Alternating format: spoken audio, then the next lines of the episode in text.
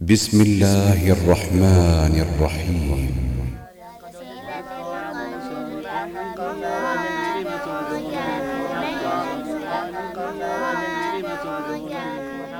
تسجيلات الراية الإسلامية تقدم معالم المعالم العشرة لحفظ المتون. التحق بالبرامج الموجودة الناجحة المجربة فقد سلك هذا الطريق سالكون قبلك وتخرجوا فيه.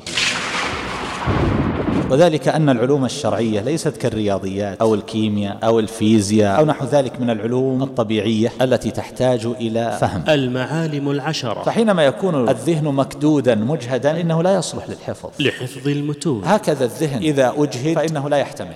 يحصل للنفس حتى إن من لطف الله عز وجل بالإنسان أنه إذا غلبه الإجهاد والتعب أو الألم والمرض انفصل عنه العقل فأغمي عليه وغيب. فلا يشعر بالآلام ولهذا فإن المجربين يقولون كلما كان المكان ليس فيه ما يشوش فهذا أفضل. وكلما كان أضيق فهو أدعى إلى الحفظ. المعالم العشرة لحفظ المتون. متخرج من كلية الشريعة قبل عشر سنوات. ولا زال يسأل. أريد برنامج أبدأ من الصفر. أريد برنامج أبدأ من الصفر. أنا الآن مصمم.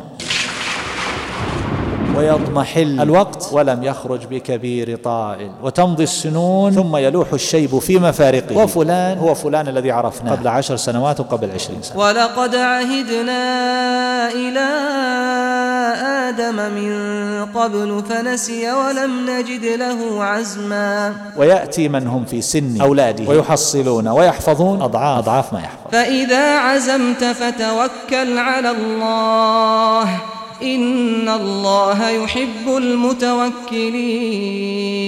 ففي البداية الذهن بطيء الحركة لم يعتد واسألوا المجربين. ثم ما يلبث حتى يشتد ويقوى. فإذا صبر الإنسان وواصل فإن الذهن يتوقت حتى إنه يستطيع أن يحفظ الأشياء في ربع المدة التي كان يقضيها. المعالم العشرة لحفظ المتون. نقول هذا لمن يريد أن يحفظ المتون. نوصيهم أن يحفظوا القرآن أولا.